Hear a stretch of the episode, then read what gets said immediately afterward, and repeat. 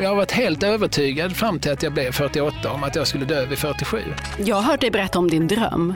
Jaså, intressant. Jag ska ju ändå vara en stark och självständig kvinna. Och så klarade jag inte det här. Jag hoppas att det lyser igenom i boken och sen får man döma mig om man vill. Det här är Samtal om böcker. Podden där du hör författarna, läsarna och mig, Lisa Tallroth, om det roliga och oroliga i säsongens nya böcker. Att jag får inte ut den här mannen ur mitt hem.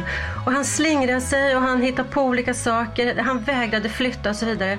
Och allt det där, där kände jag skam. För där kände jag skam inför mig själv. Min bok är liksom ingen absolut sanning, inte mitt perspektiv heller. Och eh, om man tycker att jag har behandlat min egen mamma dåligt så får man hemskt gärna tycka det, för det tycker jag också ibland. Välkommen till Samtal om böcker.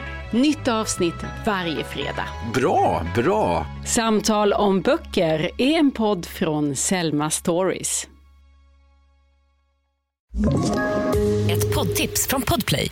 I podden Något Kaiko garanterar östgötarna Brutti och jag, Davva, dig en stor dos skratt.